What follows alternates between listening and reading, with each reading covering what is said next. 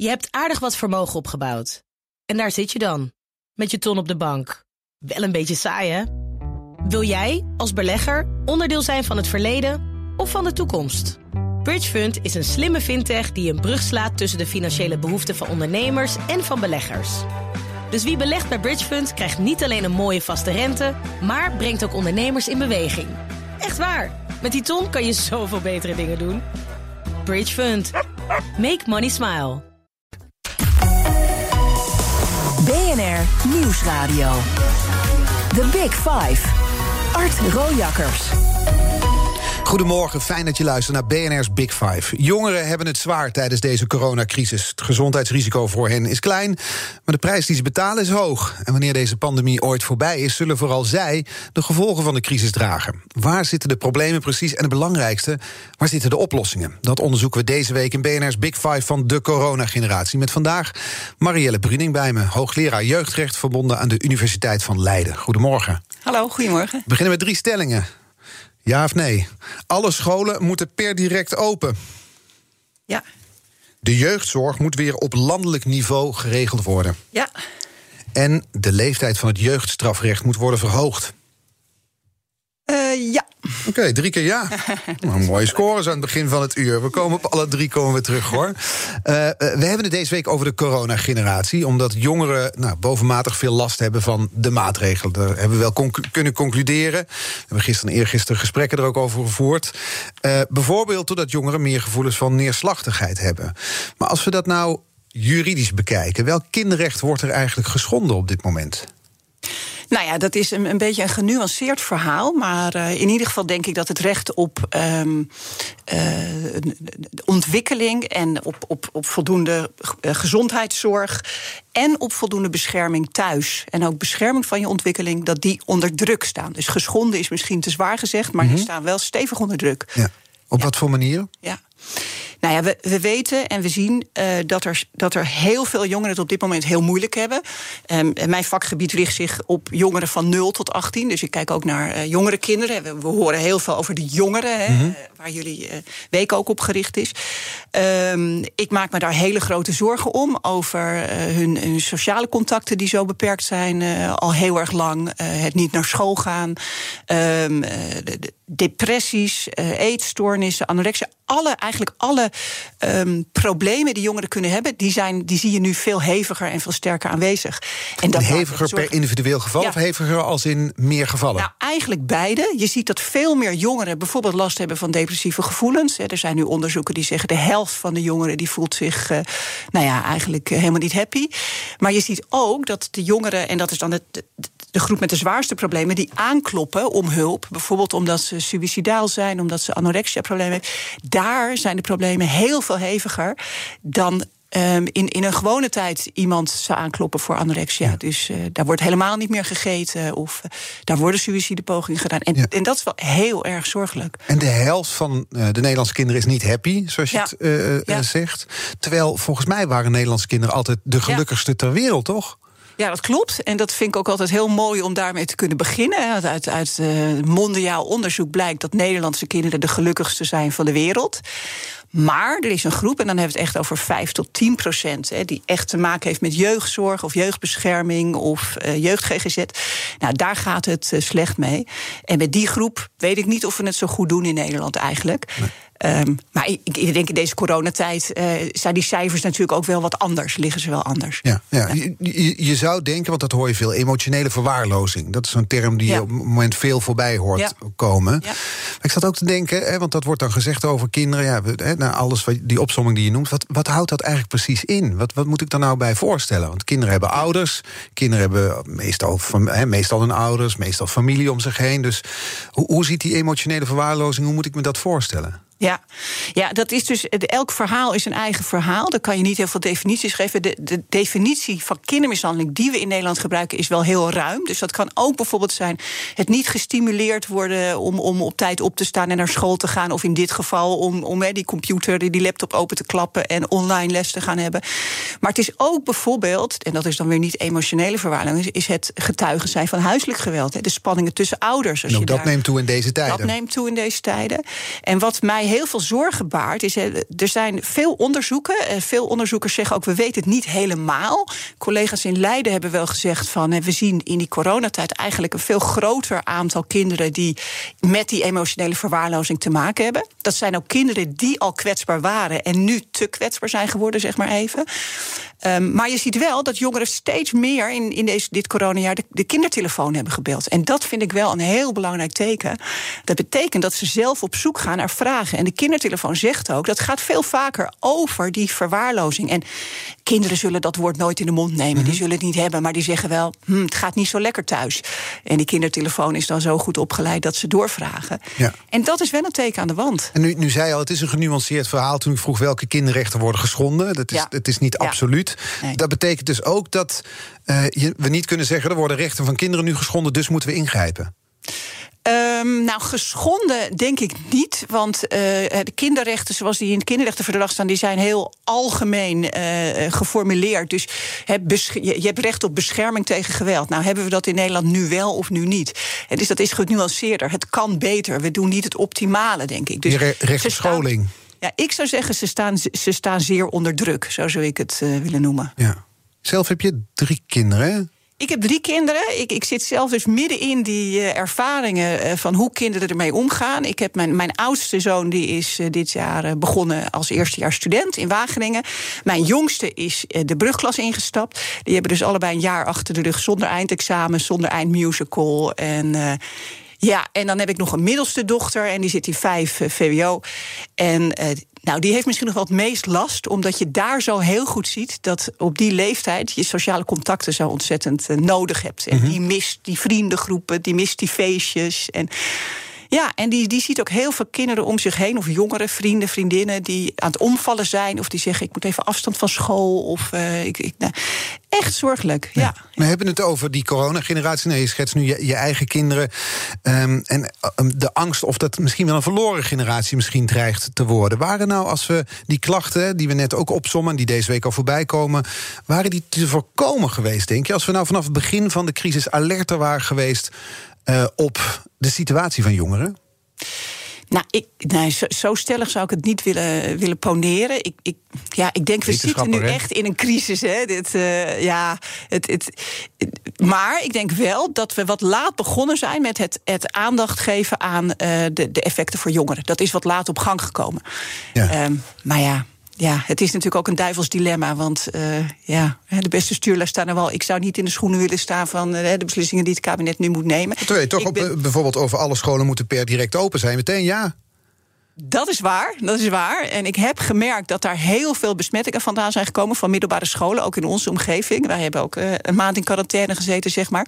Ja, want maar, in het gezin was er een Ja, mijn beide dochters hebben corona gehad, ook na elkaar, allebei op die middelbare school besmet. Dus in die tijd in november begreep ik heel goed dat we daar toch wel interventies moesten gaan doen. Want uh, bij ons eh, zaten zoveel gezinnen in quarantaine, want die jongeren besmetten elkaar heel snel en heel veel.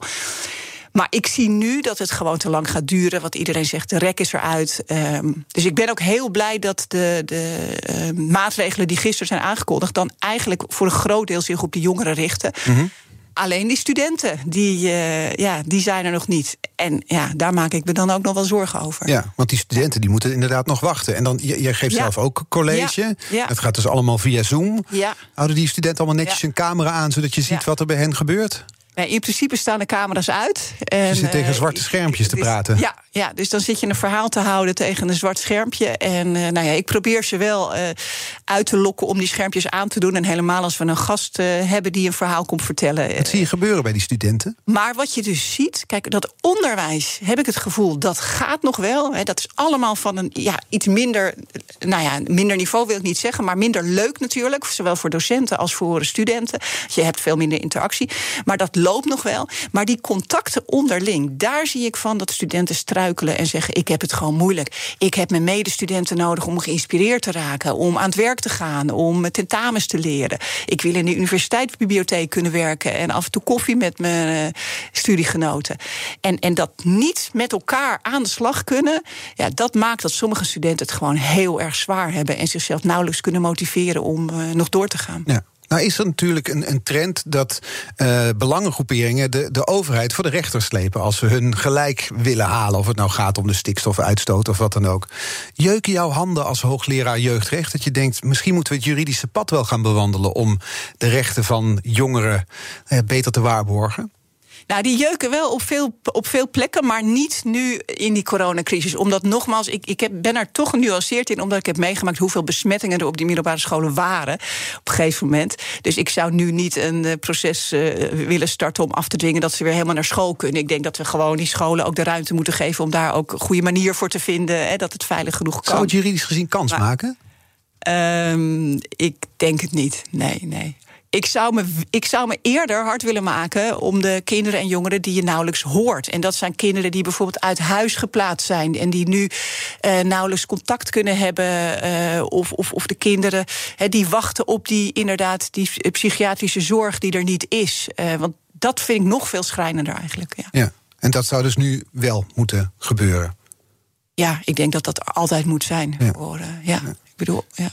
Ja. Ik, ik, ik, vraag het eigenlijk omdat je, je bent hoogleraar jeugdrecht. dus ik kan me voorstellen dat je op een andere manier naar deze coronacrisis kijkt dan wij, dan de, de leken, zal ik maar zeggen. Of is dat niet zo? Kijk je niet met die juridische bril? Nou, in die coronacrisis niet zo, maar ik kijk wel um, extra uh, bewust naar de groep jongeren die met het juridische veld te maken heeft. Dus dat zijn kinderen die met jeugdbescherming bijvoorbeeld te maken hebben, of met jeugdstrafrecht te maken hebben, of, uh, of die echt inderdaad heel dringend zorg nodig hebben. Nou, daar kijk ik wel scherp juridisch naar. En ik, ja. The Big Five. Art Rojakkers. Deze week vijf kopstukken uit de wereld van de coronageneratie. Vandaag de gast hoogleraar jeugdrecht Marielle Bruning. Ja, eh, onze gasten stellen elkaar kettingvragen. Gisteren was hier Maurice Knijnenburg de gast, voorzitter van de Nationale Jeugdraad. Die had deze vraag voor jou. Um, ik weet dat Marielle zich ook bezighoudt met het, kinder, het internationale kinderrechtenverdrag. Wat ook zegt dat jongeren uh, en kinderen en jongeren altijd een stem moeten hebben in, in beslissingen die over hen gemaakt worden. En ik ben wel benieuwd hoe Marielle aankijkt tegen de huidige het huidige kabinetsbeleid. En uh, hoe het geluid en de stem van kinderen en jongeren daar voldoende of niet in worden meegenomen. Ja. ja, een hele leuke vraag. Daar ben ik heel blij mee. Omdat dat recht om gehoord te worden en om je stem te laten horen... is eigenlijk de kern van het hele kinderrechtenverdrag. En daar draait een groot deel van mijn werk ook om. Mm -hmm.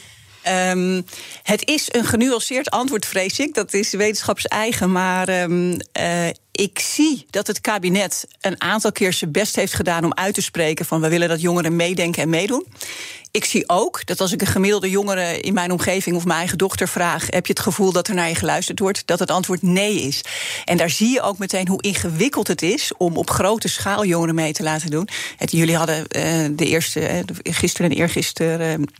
Hele interessante jonge sprekers die heel goed van zich konden laten horen. Mm -hmm. Maar er zijn er ook een heleboel die die wegen niet kunnen vinden. En ik denk dat op het moment, en, en dat hoort ook bij dat recht om gehoord te worden, het is even belangrijk um, als beslisser om te laten zien wat je doet met de stem van kinderen. Sterker nog, als je dat niet laat zien, dan zijn ze gedesillusioneerd. Ja, zijn ze wel ze, gehoord, uh, maar wat heeft het precies, zin gehad? Precies. En daar ben ik een beetje bang voor. Ik vind dat er.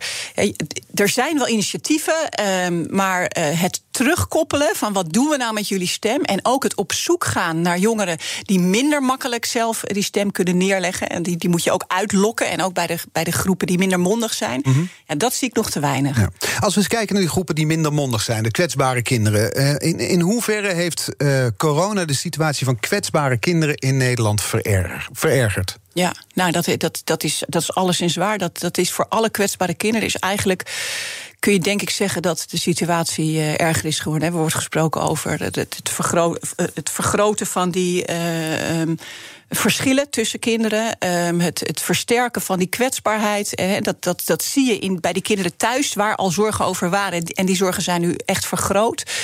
Um, maar dat zie je ook bijvoorbeeld bij de kinderen die niet meer thuis kunnen wonen. En uh, die het nu een heel ingewikkeld jaar hebben gehad. Waarbij ze minder contact kunnen hebben met hun thuisfront. Uh, waarbij ze minder op verlof of. Uh, of, of en waarbij ook minder die... contact met hulpverleners natuurlijk heeft kunnen zijn. Ja. Veel minder. En dat zijn vaak kinderen die nou ja, begeleid worden door Jeugdzorg Nederland. Ja. Ja. ja. Ja, Jeugdzorg Nederland is eigenlijk jeugdbescherming. Mm -hmm. Dus dat betekent gedwongen hulp. Dus dat betekent dat de kinderrechter heeft gezegd: jullie hebben hulp nodig. het, het, het gaat te slecht. Ja. Je volgt die organisatie kritisch. Ja. Ja. Ja. Je hebt ook in een commissie gezeten die heeft onderzocht nou, wat de, de toestanden zijn, zal ik maar zeggen, in de jeugdzorg, in de naoorlogse jeugdzorg. Ja. Die conclusies waren ook, die waren niet mals. Nee. Hoe, hoe gaat dat op dit moment in deze coronacrisis? Ja, nou ja, wat mij dus heel erg opvalt en heel erg zorgen baart, is dat we sinds, eh, nou, voordat we de coronacrisis instapten, waren de zorgen torenhoog. Echt, wat mij betreft was het 5 voor 12. Het ging enorm slecht. Maar dat was niet alleen mijn visie. De inspectie Gezondheidszorg en Jeugd heeft dat eh, gezegd. En, en er zijn veel rapporten die er lagen. En eigenlijk is dat slecht? stil. Nou, wat ging er slecht? Ehm, we hebben veel te veel wachtlijsten. We hebben een te eh, weinig passend aanbod voor jongeren. Nou, een, een voorbeeld: jongeren worden in het ergste geval worden ze in een gesloten, eh, gesloten accommodatie geplaatst. Dat is niet omdat ze een eh, strafbaar feit hebben gepleegd, maar omdat het zo slecht met ze gaat. En bijvoorbeeld omdat ze in een open instelling weglopen. Die zitten in een gesloten setting. ehm, maar na een paar maanden eh, is, blijkt vaak dat ze of daar niet eh, passen, of dat er te weinig eh, hulp wordt geboden daar. En dat ze best wel naar een open instelling kunnen. Die plekken zijn er niet. Dus kinderrechters die worden eigenlijk geconfronteerd met een, een duivels dilemma. Moeten we dan die plek verlengen en zeggen dat kind blijft zitten? In zo'n gesloten zorg waar je echt en s'nachts je kamer op slot, detectiepoortjes, fouilleren aan de poort. het is echt een heel zwaar regime. Een kind kan meestal niet naar huis, want daar zijn de problemen te groot voor. Maar eigenlijk is duidelijk dat dit kind er niet thuis hoort. En dat er gewoon in een open setting beter passende zorg Ja. moet worden geboden. Die zorg is er niet. Zijn er eigenlijk aantallen bekend? Hoeveel van dit soort kinderen die onnodig vastzitten, zal ik maar zeggen, zijn er in Nederland? Nee, die cijfers zijn niet bekend. Het, het wordt sowieso worden die cijfers. Maar die zijn er wel. Er zijn kinderen op dit moment in Nederland die onnodig vastzitten. Ja, ja, nou ja, vastzitten mogen we van Jeugdzorg Nederland Nee, niet zeggen. maar Maar, in een gesloten eh, instelling is, zitten. Zeg maar, ja, die in een gesloten instelling zitten. En praktisch gezien komt het zo. neer. Ja, dat, daar komt het op neer. En, en zo, zo erg is het dus. Ja. En die situatie was al voor corona, zei je. Dat was, Het was al vijf voor twaalf. Ja. Bijvoorbeeld hier, door dit soort situaties, door de wachtlijsten die, die zo lang zijn. Dat is niet verbeterd, neem ik Nee. aan nu. Nee, dus sterker nog, dat is denk ik slechter geworden. En, en een ander voorbeeld is op het moment dat een kinderrechter beslist... er moet een eh, gedwongen hulp, dus er komt een, eh, een, een gezinsvoogd of een jeugdbeschermer... die jou gaat begeleiden, dan duurt het vaak nog zes maanden na die uitspraak... omdat die hulpverleners er niet zijn. Die jeugdbeschermers, er zijn er te weinig. Ze zijn nu of ziek of, of, of ze zijn naar een andere baan. Ze roleren heel veel. Is gewoon dus bij de basis, bij de start... kan er al vaak niet gestart worden. En die zo'n vraag ontstaat niet voor niks. Dat zijn serieuze Dit hulpvragen. zijn, ja, dit zijn echt gezinnen waar het niet op vrijwillige basis kan. En waar vaak al heel veel gebeurd is. Dus dit zijn echt hele grote multiproblematiek eh, nou ja, zaken, zeg maar. En dan nog eens een half jaar wachten. Ja, dat kan gebeuren. Drie maanden of een half jaar wachten. En, dan, en, en, en dat is zeg maar de begeleiding van het kind. En dan de plek of, of de hulp thuis die het kind moet krijgen... die is er ook veel te weinig. Ja. Dat, dat, dat, dat heeft enorme gevolgen, kan ik me voorstellen. Een wachtlijst van een, van een half jaar. In zo'n half jaar kunnen dramatische zaken gebeuren. Enorme gevolgen. Ja, en wat je dus en wat het Wat moeten we daarbij voorstellen bij die nou ja, gevolgen? wat, wat zorgelijk is, maar interessant om te zien, is dat dus het aantal crisisplaatsingen en crisiszorg in dit coronajaar sterk is toegenomen. Ehm, dus, dus ze zeggen eigenlijk, eh, de, de hulpverleners zeggen, we hebben niet ineens heel veel meer maatregelen, maar wat je ziet, op het moment dat er echt nood aan de man is, en dan moet een kind per direct bij ouders worden weggehaald, dat is ontzettend toegenomen. En dat zijn ook zaken waar er geen tijd is om eerst bij de rechter langs te gaan, maar waar direct het kind door de politie wordt meegenomen en op een andere plek wordt gezet.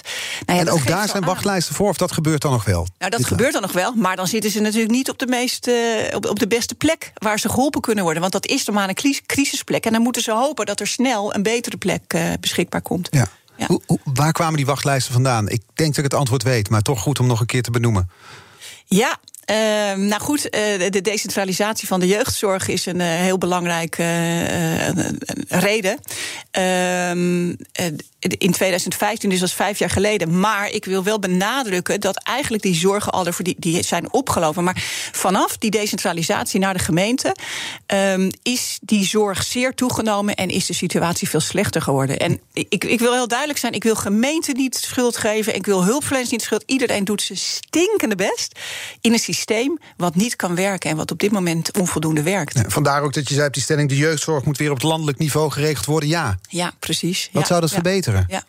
Nou ja, ik denk, kijk, het, het, is zo, bij deze groep kinderen is het zo dat de overheid zegt: wij gaan ons bemoeien met dit gezin, want dat kind heeft bescherming nodig. Het is onder het minimumniveau, zeg maar. Maar dan moet je als overheid ook zorgen dat je iets beters te bieden hebt dan wat het is. Want, eh, en bijvoorbeeld een uithuisplaatsing van een kind is altijd schadelijk. Dus je, je hebt altijd die balans, je moet wegen hè, van hoe, hoe, hoe onveilig is die situatie, situatie thuis en wat heb ik te bieden.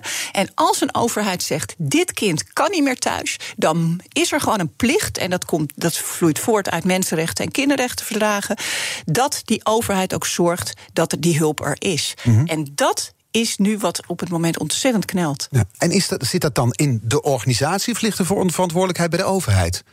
Nou, de verantwoordelijkheid ligt bij de overheid, maar dat is dus een heel ingewikkeld vraagstuk. En dat is wat ik ook eh, vanuit die commissie De Winter heb gezegd. Hè, dat, wat ging over geweld eh, tegen kinderen die Ja. in het huis waren geplaatst. De Rijksoverheid zegt: gemeenten zijn aan zet. Gemeenten zeggen: ja, maar de Rijksoverheid is stelselverantwoordelijk. Deze regering is stelselverantwoordelijk. En zo is het constant de bal naar elkaar toespelen. En niemand pakt hem op. Jeugdzorg Nederland zegt van ja, maar ja, hè, gemeente en Rijk. Dus iedereen kijkt naar elkaar. En die regie oppakken, wat nou juist zo hard nodig is, gebeurt onvoldoende. Ja. En dit was dus al, je zei al, het was vijf voor twaalf. Toen kwam Ja. corona.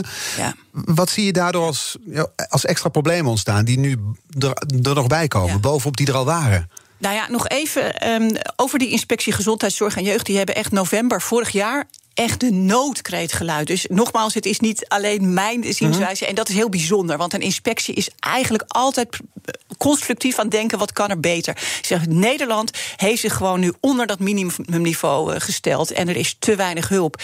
Nou, en in de coronatijd eh, is het zo... Hè, hulpverleners konden minder contact hebben... konden minder kijken in de, in de gezinnen van... eh, is het nog veilig genoeg, wat kunnen we doen? Vielen ook om, hè, waar, werden ook ziek of, of kwamen in quarantaine. Dus gewoon veel minder capaciteit.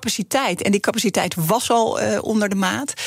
Ehm, Maar je zou toch zeggen dat er bijvoorbeeld een uitzondering voor gemaakt moet worden... dat jeugdzorg Ja. juist wel Nou bij ja. gezinnen langs mo- moet mogen gaan. Ja. Net zoals, eh, weet ik het, thuishulp bij ouderen. Ja, nou eigenlijk had daar meteen een heel sterk incentive moeten worden neergelegd. En, en, Het is makkelijk om nu door het systeem heen te vallen. En, en nogmaals, en natuurlijk, er zijn heel veel hulpverleners die hun uiterste best hebben gedaan. En die ook manieren hebben gevonden om nog wel in contact te gaan. Maar wat ik toch hoor in mijn omgeving. Kijk, als een jongere of, of een, een ouder zegt: Sorry, ik heb geen verbinding meer. En je hebt de, ja, het, het is veel makkelijker om je te onttrekken. Hè? Hoe, hoe, eh, hoe, hoe graag je ook wil als hulpverlener om die contacten te leggen, al is het online. Dus, dus dat is gewoon echt moeilijker geworden. En er is minder capaciteit. Ehm, dus ja, dat, dat staat nog meer onder druk. Nou heeft de inspectie ehm, in oktober weer opnieuw die noodklok geluid. En gezegd: ja, jongens, het is gewoon eigenlijk nog steeds even slecht. 800 kinderen die aan het wachten zijn na een beslissing van de kinderrechter op die jeugdbeschermer, die er überhaupt niet is. Dat kan niet. Als overheid heb je de plicht, als je je bemoeit met gezinnen, om dan ook die hulp te bieden.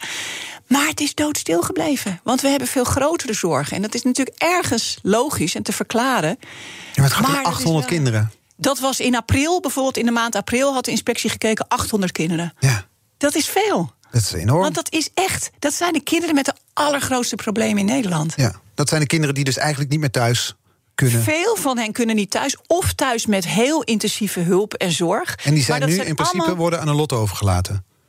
Nou, waarschijnlijk hebben die kinderen van april inmiddels een, een jeugdbeschermer. Maar er zijn natuurlijk weer nieuwe kinderen ingestroomd. die, die ook weer in die, op die wachtlijst eh, staan. Ja. En dat zijn allemaal kinderen en gezinnen waar vrijwillige hulp te licht is. of niet mogelijk is of niet haalbaar is. Die, die, die kettingvraag die jij kreeg, mag je weer doorpassen naar eh, onze gast van morgen. Dat is Olaf eh, Prinsen, directeur van Jeugdzorg Nederland. Ja. Wat zou je willen vragen? Ja. Nou, ik zou hem graag willen vragen. Ehm, ik hoor in mijn omgeving, en ik zie dat zelf ook, dat de situatie van de jeugdbescherming niet in de laatste vijf jaar eh, slechter dan ooit is geweest. Maar eigenlijk als je het over twintig jaar bekijkt, dat dit de het slechtste moment is voor jeugdbescherming in zo'n welvarend land als Nederland. En ik vraag me af of hij dat herkent. En ik wil hem graag vragen. Er wordt alleen nu heel veel over geld. En gemeenten moeten meer geld krijgen. Er liggen rapporten dat er te weinig geld van, de, van het kabinet naar de gemeente is. Maar wat moet er nou anders dan geld gebeuren om die kinderen die in de jeugdbescherming zitten meer en beter passende hulp te bieden? We gaan het morgen vragen. Wat zou jouw antwoord zijn? Ja, er moet een, een, een echt een stelselwijziging komen. Er moet, denk ik nu, hè, en dat is niet zozeer omdat ik denk van op de lange termijn is, is een centrale regie en een landelijke regie voor, voor jeugdbescherming het beste. Er moet gewoon een noodgreep nu uh, nou ja, worden toegepast. En dus ik denk stelselwijziging, maar dat, uh, ja, dat, dat is jaren tijd. Er ligt nu al een, uh, een advies om, om dat stelsel grondig te veranderen. Veel minder organisaties, minder mensen die allemaal zich met hetzelfde gezin bemoeien.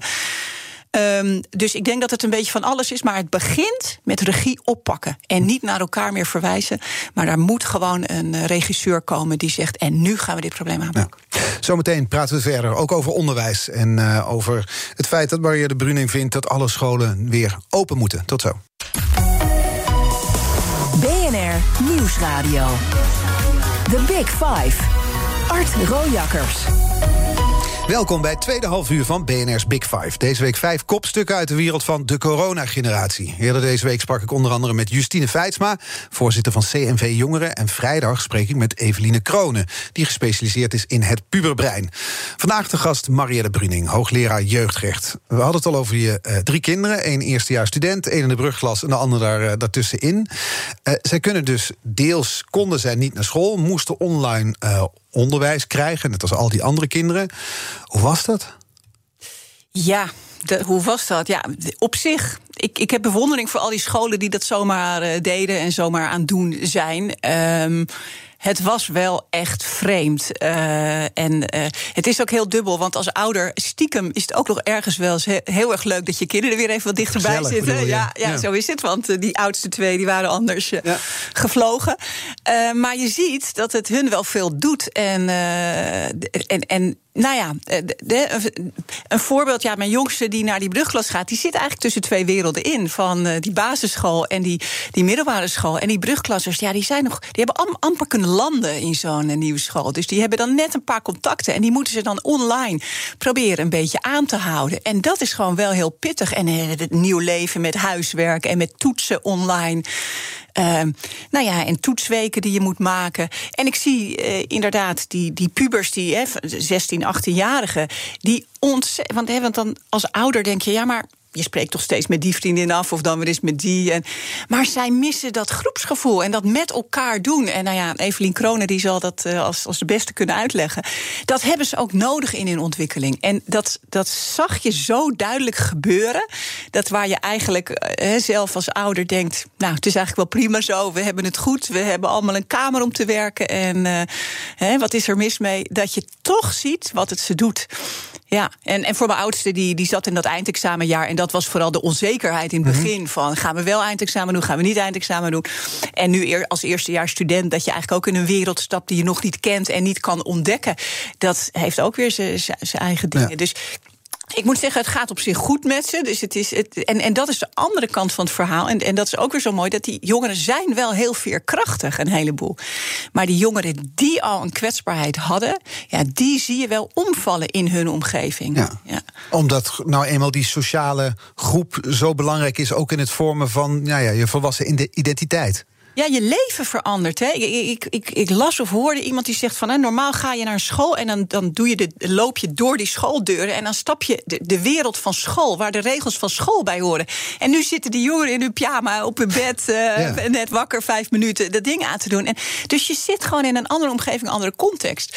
En op een bepaalde leeftijd hoort daar ook bij afzetten tegen ouders. Dus stel je mm -hmm. voor een jaar met je ouders. Dus we zitten wel best wel op elkaars lip uh, inmiddels. Dat is zo. Hoe, hoe is gezellig de sfeer? Ook. Ja, in de is toch gezellig? Jawel, maar. ja. Want die, de basisscholen zijn net weer open. Middelbare scholen mogen nu uh, één dag per week fysiek les gaan geven. Net als het MBO. HBO's universiteiten blijven volledig digitaal voorlopig. Ik zat erover te denken toen ik gisteren naar die persconferentie zat te kijken. Kinderen hebben zoiets als recht op onderwijs.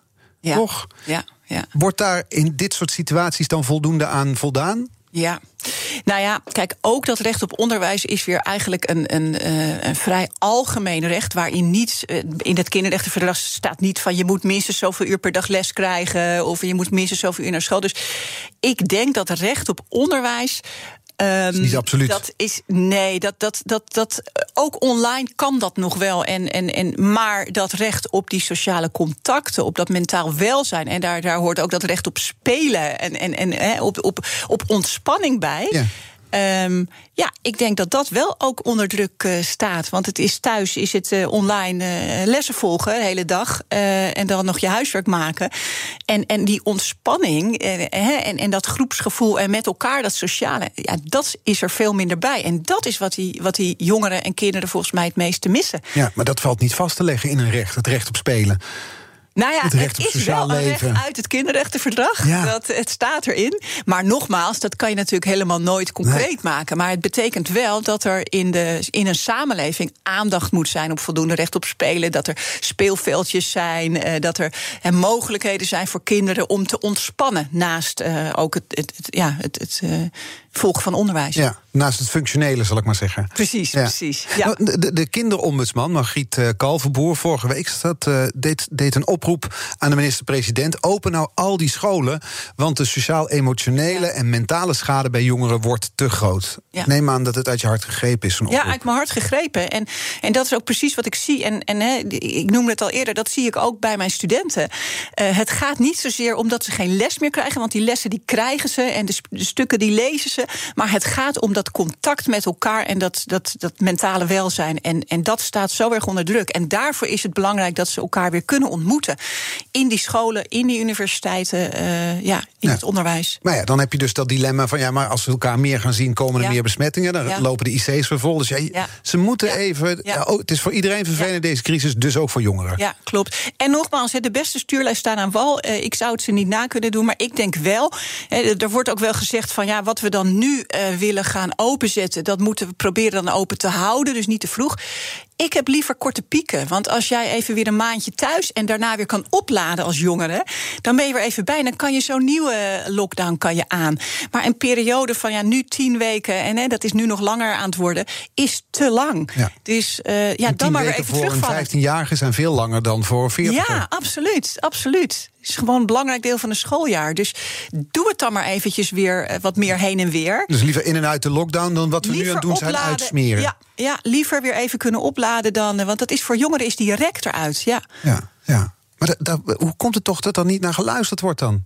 Als verstandige mensen zoals jij en een kinderombudsman dat zeggen. Ja, ja, nou ja, goed. Kijk, nogmaals, ja, de zorgen om de gezondheid eh, van mensen en, en de, de IC-bezetting is ook heel groot. Eh, en is heel concreet. Is dat het misschien? Dat het is ongemak. Misschien wordt het als ongemak gezien voor jongeren. Ja, ze kunnen niet naar school, vervelend, ze kunnen niet ja. spelen, sociaal contact. Dat is lastig, maar het gaat wel weer voorbij. En dan kunnen ze nou, leven weer oppakken. Dat denk ik ook. En, en, maar ik denk ook, in die tijd dat die scholen van die basisschool weer open moesten, leek het ook alsof er haast meer over de ouders werd gesproken dan over die kinderen zelf. En, maar wat ik heb gemist is vanaf het begin denken in oplossingen. En niet aan wat niet kan, maar wat wel kan. En dat hoor je nu ook wel meer. Hoe bedoel je dat? Want nou ja, ik denk dat die scholen, voordat ze uh, dicht uh, zijn gegaan, hadden ze misschien uh, al wel die anderhalve meter afstand of halve klas of, of, wat dan ook kunnen invoeren. Maar het was meteen een alles of niks.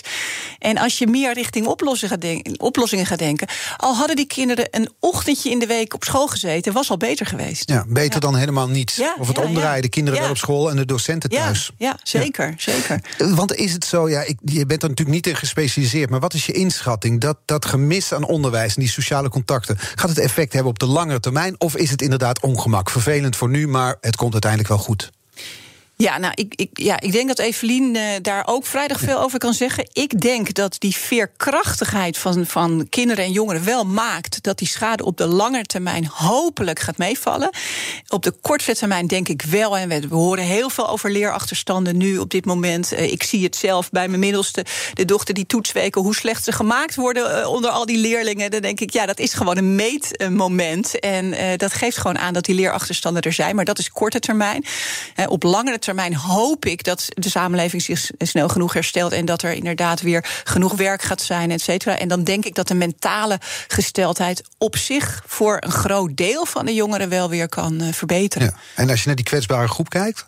Ja, daar maak ik me wel meer zorgen over. Want dat, dat, dat is iets van een langere adem. En daar moeten we echt voor die groep, daar is ook gewoon extra aandacht nodig. En nou, UNICEF heeft laatst een rapport uitgebracht van wat moeten um, de rijke landen of westerse landen nu doen um, als je kijkt naar kinderrechten en naar jongeren. En daar wordt eigenlijk als heel belangrijk iets gezegd: je moet apart investeren in gezinnen en in kinderen en in kwetsbare kinderen. En wat je nu ziet is dat, dat ze in uh, nou ja, fiscale maatregelen uh, uh, voor werk zorgen dat mensen werk houden. Maar de meest kwetsbare groep, die bereik je daar niet mee. En wat bedoel je dan met nou, apart investeren? UNICEF zegt je moet moet gezinnen, je moet apart beleid gaan uh, ontwikkelen voor de meest kwetsbare gezinnen en de meest kwetsbare jongeren. En niet indirect beleid van uh, zorgen dat iedereen zijn baan houdt. Nee, echt gericht op die gezinnen. Wat hebben die nodig? He, gezinnen die richting armoede gaan of al in armoede leven. Uh, kinderen die helemaal niet veilig zijn en nu nog minder veilig. Of, of die inderdaad depressies hebben. Je moet veel meer daar naartoe en niet indirect. Ja.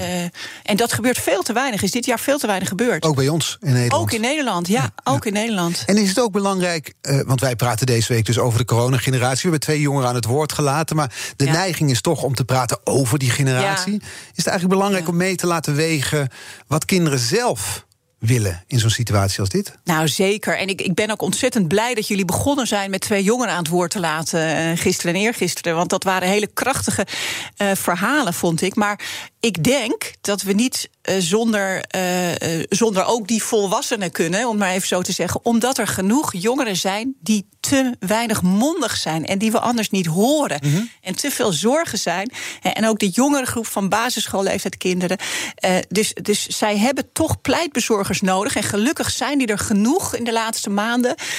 Want anders horen we er te weinig over. Maar we moeten ze altijd meenemen en uh, mee laten doen. Uh, en, en naar ze luisteren. Ja. Wat zij ervan vinden. Ja. Is dat ook wat je doet? Je bent plaatsvervangend rechter ook, hè? Ja. Jeugdrechter. Ja. Is dat ook wat je dus zelf dan doet? De, de stem van kinderen juist beluisteren? Ja, nou ja, kijk, in, het recht of, of in, in, in, jeugdbeschermingszaken, of ja, ik doe meestal jeugdstrafzaken, hebben kinderen vanaf 12 jaar het recht om, om uh, hun zegje te doen. Uh, en als jij in het jeugdstrafrecht zit, daar, dan ben je als verdachte, word je sowieso gehoord. Maar dan is het wel heel belangrijk om heel goed te luisteren. En wat bijvoorbeeld heel moeilijk is, is wat zeggen ze nou echt? Want eh, jongeren stellen zich soms heel stoer op op zo'n zitting van uh, niets gedaan en alles ontkennen, terwijl op de camera alles duidelijk is. Ik zeg maar eens wat. Um, dus daar moet je proberen doorheen te prikken. Maar je moet ze echt mee laten doen. En waarom? Omdat zij ook het gevoel moeten hebben: er is naar mij gehoord. En gelukkig, ik heb eh, in de afgelopen jaar onderzoek gedaan naar hoe kinderen ervaarden. Uh, hoe zij in familiezaken, bijvoorbeeld scheidingen of, of omgangszaken. of jeugdbeschermingszaken. hoe zij door een kinderrechter gehoord werden. Want vanaf 12 jaar worden ze door een rechter uitgenodigd. En als ze willen, mogen ze met die rechter praten. En gelukkig gaven ze die rechter een heel hoog cijfer. Hm. En vonden ze dat ze dat heel goed deden. Ja, dat maar dat... ze vonden ook dat ze eigenlijk ook al jonger uh, gehoord zijn. En volgens mij heb jij een pleidooi ja. gehouden om dat al vanaf ja, acht jaar te doen, zeker, toch? Zeker, zeker, ja. ja. En uh, wij hebben gekeken, ook met pedagogen, ook met uh, psychologen, met, met de hersenwetenschappers, van wanneer kunnen kinderen dit nou? En kinderen kunnen dat al eigenlijk al veel jonger. En we zijn in Nederland, ja, wat dat betreft, heel ehm, heel weinig vooruitstrevend. Dat we zeggen, nou, vanaf 12 jaar doen we het. En daaronder. Nou, alleen als een jongere dat zelf vraagt of een kind vraagt, kunnen we nog eens een keertje kijken. Maar kinderen onder de 12 weten überhaupt niet dat ze deze mogelijkheid hebben. Dus uh, dat gebeurt gewoon helemaal niet. Maar helaas, uh, minister Dekker die, uh, heeft onze aanbevelingen op dat punt niet overgenomen. Die vindt eigenlijk dat kinderen niet in procedures en in juridische strijd horen te zitten. Ja, mijn visie is, ze zitten, ze zitten er heel vaak gewoon al ja. in. Dus neem ze dan ook serieus. BNR Nieuwsradio. The Big Five. Art Rojakkers. Je luistert naar BNR's Big Five van de coronageneratie... met vandaag Marielle Bruning, hoogleraar jeugdrecht, gast. En ook uh, plaatsvervangend jeugdrechter. Uh, vandaag staan um, uh, een heel aantal relschoppers in Eindhoven... die rondom de avondkolk-rellen zijn gepakt... staan vandaag voor de rechter. Zijn dat dan zaken die jij met extra belangstelling volgt? Ja, op zich wel. Al is het niet helemaal duidelijk hoeveel uh, jongeren hè, onder de 18 uh, daaraan mee hebben gedaan. Mm -hmm. maar ja, nee, zeker. Ik, ik, ik, ik, ben wel benieuwd wat daar gaat gebeuren. Ja, ja want het, de, de groep was heel gemixt inderdaad. Ja. Er waren ook ouderen bij. Ja. Het ging van voetbal, hooligans tot, tot jongeren en, en alles ertussen. Ehm, maar er waren jongeren ook onder de 18 bij betrokken. Die vallen dan dus onder het jeugdstrafrecht. Wat moet ik me daarbij voorstellen dan? Dus dan is er een jongere die is gepakt omdat hij is gaan plunderen... steen heeft gegooid naar de politie, maar jonger dan 18. Hoe gaat zo'n traject dan in het jeugdrecht? Nou ja, zo'n jongere wordt door de politie opgepakt... en die komt dan in voorarrest te zitten en die gaat... Dat betekent fysiek in de cel? Ja, in de cel, maar dat, dat betekent hopelijk zo snel mogelijk in een kindvriendelijke omgeving, dus in een justitiële jeugdinrichting. Ze moeten vaak wel even in die politiecel en daar is nu wel, wordt heel hard aan gewerkt om die ook wat kindvriendelijker te maken. Want op heel veel plekken is dat een gewone cel en heeft niks met kinderen te maken. Dus dat is uh, op zich een hele nare ervaring voor veel wat jongeren. Wat is een kindvriendelijke cel? Nou ja, een kindvriendelijke cel, ja, nou gewoon net een beetje. Uh, een leuk gordijntje? Of ja, ik probeer me. Nee, ja, het is wel een hele goede vraag. Want ik moet weer even denken aan dat uh, er zijn rechtbanken die zeggen wij hebben een hele kindvriendelijke kamer. En als je dan jongeren vraagt, wat vind je ervan? Zeg, nou ja, er hing een poster aan de muur en er stond een eh, spelletje in de hoek. En dat is niet kindvriendelijk voor mij. Dus dat is nog wel een verhaal apart. Maar uh, in een justitiële jeugdinrichting is op zich het wel veel meer op maat gemaakt voor jongeren. En is het klimaat ook wat vriendelijker. En, en, en het heeft ook met de hele inrichting van het te maken. Nou, je wordt dan in voorarrest gezet. En dan kom je binnen een aantal dagen kom je bij de rechter langs en die gaat dan beslissen: moet jij uh, gedetineerd blijven totdat de zitting is, of mag je naar huis? Mag je geschorst worden? En, en het uitgangspunt in het jeugdstrafrecht is schorsen tenzij. Want het is natuurlijk voor elke jongere beter om gewoon in zijn eigen omgeving door te kunnen gaan en de zitting af te wachten en naar school te kunnen blijven gaan en baantjes. En voor de meest zware feiten, als ook uh, nou ja, de recidivekans heel groot is, of als het gevaar voor de samenleving groot is, of het gevaar voor het onderzoek dat hij met allemaal medeverdachten uh, contact gaat hebben, ja, dan moet je wel vast blijven zitten. Ja. Nou, dan komt er na een aantal maanden een zitting. En dan sta je of voor een voor één rechter. Of de zaken die ik doe als ik een zitting heb, is met drie rechters. En dat zijn wel de meest zware uh, jeugdstrafzaken. Dat zijn dan geweldzaken bijvoorbeeld? Ja, dus dat is geweld, uh, openlijke geweldpleging, afpersing. Veel afpersing van mobieltjes. Uh, um, um, maar ook wel een enkele keer bijvoorbeeld poging doodslag. die drillrapgroepen bijvoorbeeld. daar, daar gebeuren hele nare dingen op dit ja. moment. En die komen ook wel eens langs. Ja. ja. Nou, nou is bij die, die, die railschoppers er was toen, hoor je dan stemmen, hè, die zeiden: dit, deze mensen moeten we hard aanpakken. Of ze nou pubers zijn of niet. Om duidelijk te ja. maken dat het echt niet kan wat er gebeurde. Ja. Werkt dat zo? Heeft dat een afschrikwekkende werking? Dat werkt dus niet zo. Uh, nou, dat, het, maar het is iets genuanceerder. Ik las, ik las laatst ook in de krant uh, afgelopen week er iets over. Van, voor sommigen is het belangrijk om eventjes te zeggen van tot hier en niet verder. Maar echt zware straffen in de zin van lang gedetineerd en lang in de justitiële jeugdinrichting verblijven, is eigenlijk voor, voor geen enkele jongere goed. Het is iets wat de samenleving vraagt als, als reactie. Maar we zien uit heel veel onderzoek dat jongeren eerder slechter van worden en ook crimineler van worden, dan dat ze er beter van worden. Omdat Want, ze in contact komen met andere slechte elementen, bijvoorbeeld precies. in zo'n jeugddetentie. Ze zitten daar met allerlei jongeren die allerlei nare dingen hebben gepleegd, nare strafbare feiten hebben gepleegd. Ja. En uh, ze leren daar hoe je een auto kraak moet zetten, of, of ik noem maar eens wat op. Maar ja.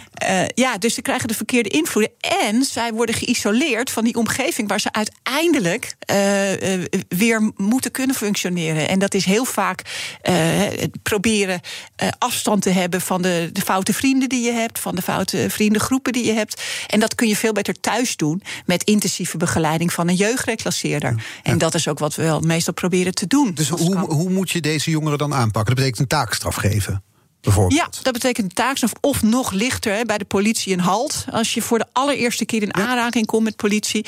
Um, dat is ook weer belangrijk, omdat dat voor je strafplan natuurlijk heel erg uitmaakt. Voor je VOG. Nou, de jongeren hebben dat uh, uiteindelijk weer nodig voor stages die ze later willen doen. Dus alles werkt door. En zo hoorde ik bijvoorbeeld van een jeugdofficier. Voor jongeren die de avondklok zouden overtreden, zou je niet een bekeuring moeten geven, wat dan zo genoteerd. Maar ook een haltstraf, omdat dat veel effectiever is. En daar leren ze ook nog wat van. Effectiever dan zo'n geldboete. Ja, zeker, zeker. Ja, dat is toch vaak dan uh, of, of de ouders moeten het betalen en, en dat voelen ze ook niet. Nou ja, en uh, veel meer op maat. Ja. ja. En in hoeverre kun je ouders uh, uh, verantwoordelijk houden voor het crimineel gedrag van bijvoorbeeld die relschoppers, van Ja. die pubers? Nou, daar was ook veel discussie over. En eh, nou ja, het, het, eh, het is zo dat je ouders in Nederland niet verantwoordelijk kunt houden, strafrechtelijk. Daar hebben we heel bewust voor gekozen. En ik vind dat een hele goede keuze, omdat ik jongeren zie die ouders niet. Ehm, eh, waarvan ouders ze niet kunnen behoeden voor het, het, het plegen van strafbare feiten. Dus je hebt je kind niet voldoende in- de hand. Ik wil niet zeggen dat je als ouders niks kan. Het begint bij die basis thuis en bij het hebben van controle. Wat ga je doen? Eh, Je gaat toch niet eh, daar met die railschoppers mee. Maar je kunt dat niet volledig controleren. En ouders zijn veel slechter af als je ze dan ook nog eens gaat straffen voor, voor dingen die ze niet in de hand hebben. En waar ze zich, sterker nog, heel veel zorgen over maken. Ja, maar toch Ja. die verantwoordelijkheid, dat, dat deed de bur- Rotterdamse burgemeester Abu Talib wel. In dat filmpje waarin hij, hij kreeg er Ja. veel lof voor, hè, hoe die, die jongeren toesprak, maar ook Ja. aan de ouders. Legde toch de verantwoordelijkheid ook bij de ouders neer. Nou, ik, ik, ik zeg niet dat ouders niet verantwoordelijk zijn, maar ik vind je kunt ze niet een straf gaan opleggen voor, voor feiten die hun jongeren of hun kinderen hebben gepleegd. Dus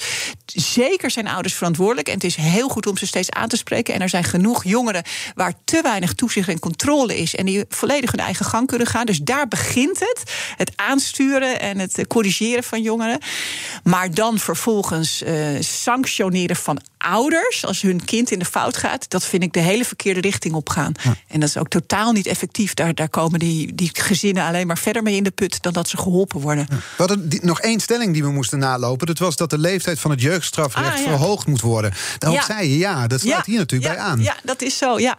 Nou, het is zo. ehm, en, en ook daar kan vast Evelien Kronen ook wat over zeggen. Maar jongeren zijn nog heel erg in ontwikkeling met die. eh, hun hersenen zijn nog heel erg in ontwikkeling. We hebben heel veel geleerd van hersenwetenschap. En jongeren kijken ook heel erg eh, op korte termijn. In plaats van wat zijn de effecten op langere termijn. Ze zijn heel erg gevoelig voor groepsdruk en voor eh, en groepen en vrienden. Ehm, we hebben in Nederland een leeftijdsgrens van 12.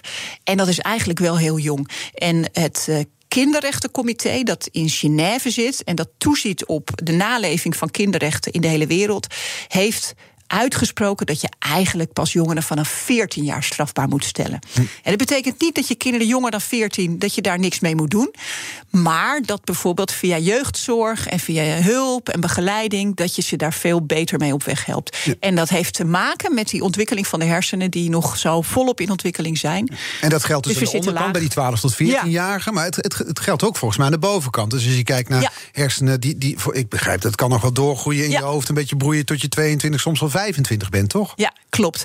En daarom hebben we in Nederland sinds een aantal jaar hebben we het adolescentenstrafrecht. En dat betekent dat als jij over de 18 jaar bent, over de 18-jaarsgrens, eh, maar nog steeds hè, je hersenen in ontwikkeling zijn tot je 23ste, dat ehm, de officier van justitie kan vorderen of de rechter kan beslissen dat, het, dat je toch via het jeugdstrafrecht wordt berecht en, en, en een jeugdstraf krijgt in plaats van een, eh, een, een reguliere straf. Dat is dus echt uit die gekomen. Het lastige is, kijk, wij als juristen willen heel graag altijd gewoon een leeftijdsgrens zetten. Ja. 12 jaar dan kan je het, of 18 jaar dan ben je volwassene. Maar het is maatwerk. En, het is maatwerk. Dus er zullen 18, 19-jarigen zijn die al wel heel goed de gevolgen van hun eh, handelen kunnen overzien. En daarom is het niet standaard zo dat we jongeren van 18 tot 23 op die manier berechten, maar dat er steeds op maat ook moet worden gekeken. Hoe ver is deze jongere? Wat voor strafbaar feit is het? Eh, was, ja, is- is die meegetrokken of was het heel doelbewust iets eh, iemand aandoen? En op basis daarvan kan je het dan wel of niet toepassen. Dus ik denk dat dat een hele mooie middenweg is. Stel nou na de, deze zomer, de crisis is hopelijk misschien wel voorbij. De pandemie, we zijn gevaccineerd. Laat het hopen, een mens mag dromen, toch? Ja, ja, laten we dat vooral doen. Ja. Waar hoop je dan op voor de situatie van jongeren? Ja, ik hoop dat zij gewoon heel snel weer met elkaar plezier kunnen maken. Zonder dat er enige be- belemmeringen en beperkingen aan zitten.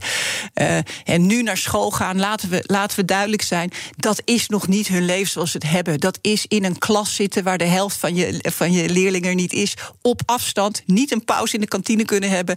Want dan is er weer te weinig afstand. En dat is toch nog die avondklok. En dat is voor denk ik heel veel jongeren een ontzettend groot ding. Dus ik hoop dat alles eraf kan. En dat de jongeren lekker met elkaar. Ja, jullie hadden het eerder al over de festivals.